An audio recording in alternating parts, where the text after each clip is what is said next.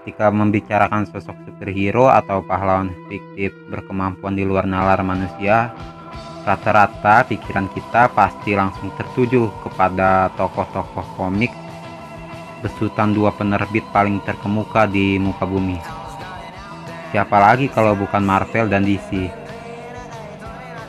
Lewat kedua nama tersebut terciptalah para karakter superhero yang hingga kini kepopulerannya tetap berkibar di berbagai penjuru negeri. Sebut saja Superman, Iron Man, Hulk, Batman, dan masih banyak lagi tokoh komik favorit lainnya. Belum lagi kesuksesan adaptasi layar lebarnya yang semakin menancapkan nama mereka di hati para penggemarnya di seluruh dunia.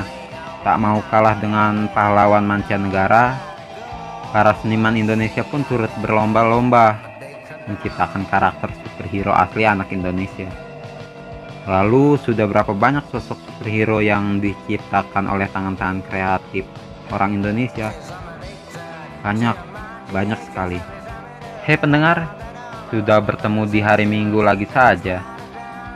Dan untuk itu di setiap hari Minggu tentunya kalian tahu dong ada bahasan untuk superhero atau komik di podcast Aspera ini bersama saya Yusuf. Kali ini kita akan membahas superhero wanita yang berasal dari dalam negeri. Tokoh Sri Kandi berkekuatan super pertama di Indonesia. Kira-kira kalian tahu nggak sih pendengar? Tokoh pahlawan yang satu ini. Filmnya akan diperankan oleh wanita cantik Pevita Pierce. Seperti di judul episode kali ini, kita akan mencari tahu sosok pahlawan super Indonesia Sri Asih pendengar. Di awal tahun 2019, Bumi Langit Komik merilis buku komik cetak yang berjudul Patriot Prahara.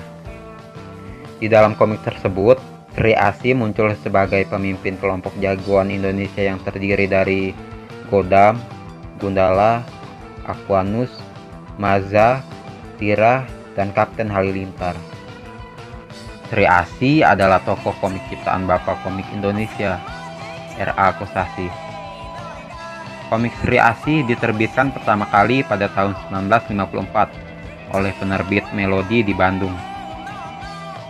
Pada masa-masa awal perkembangan komik Indonesia, para seniman komik berusaha membuat karya yang bisa diterima oleh kalangan budayawan dan pendidik. Ketika adaptasi pahlawan super dianggap tidak mendidik dan tidak berbudaya bangsa, maka pengenalan komik wayang menjadi jawabannya. Nani Wijaya atau Pevita Pierce yang akan memerankan filmnya adalah seorang gadis lugu yang terlahir dari keluarga kaya raya. Ia merupakan reinkarnasi dari Dewi Sri. Apabila ia mengucapkan kata sakti, Dewi Asih, maka ia akan berubah menjadi istri Asih. Seorang pahlawan super wanita yang memiliki keahlian bela diri dan memiliki kekuatan setara dengan 250 pria dewasa. Bukan hanya itu, Sri Asih juga memiliki kemampuan untuk terbang dan tubuh yang kebal, serta memiliki triwikarma sebuah kemampuan titisan Dewa Wisnu yang membuatnya dapat menggandakan dirinya dan dapat memperbesar tubuhnya.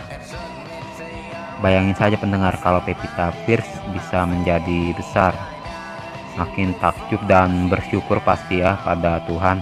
Meskipun kekuatan Sri Asi terinspirasi dari superhero wanita asal Amerika Serikat, Wonder Woman namun Sri Asih punya penampilan yang jauh berbeda dari karakter ciptaan William Moulton itu.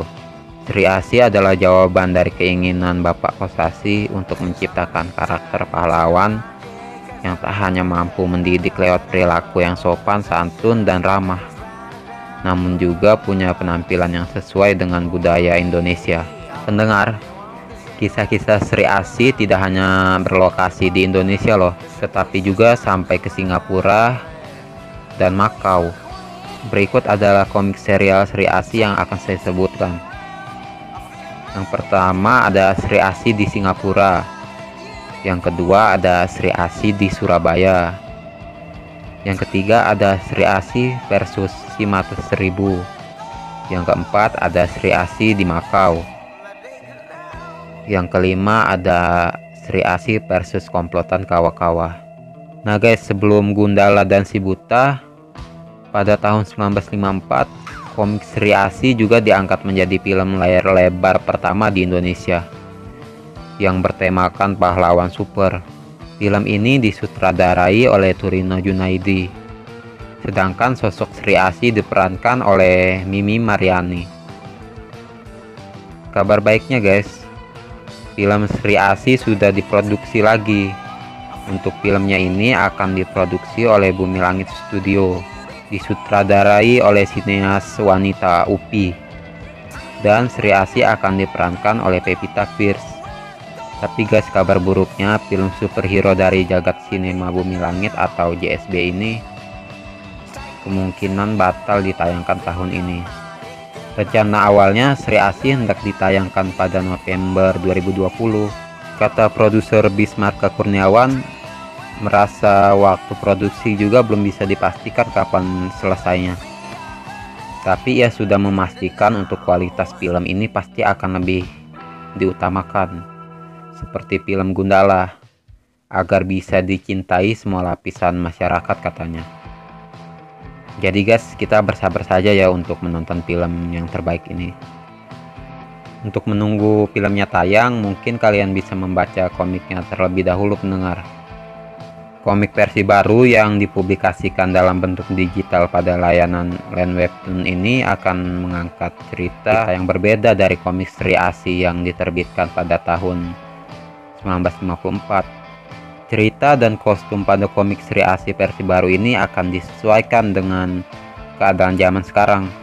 Nah guys, sudah jadi kewajiban kita generasi penerus untuk terus mengapresiasi dan melestarikan karya-karya para pendahulu kita.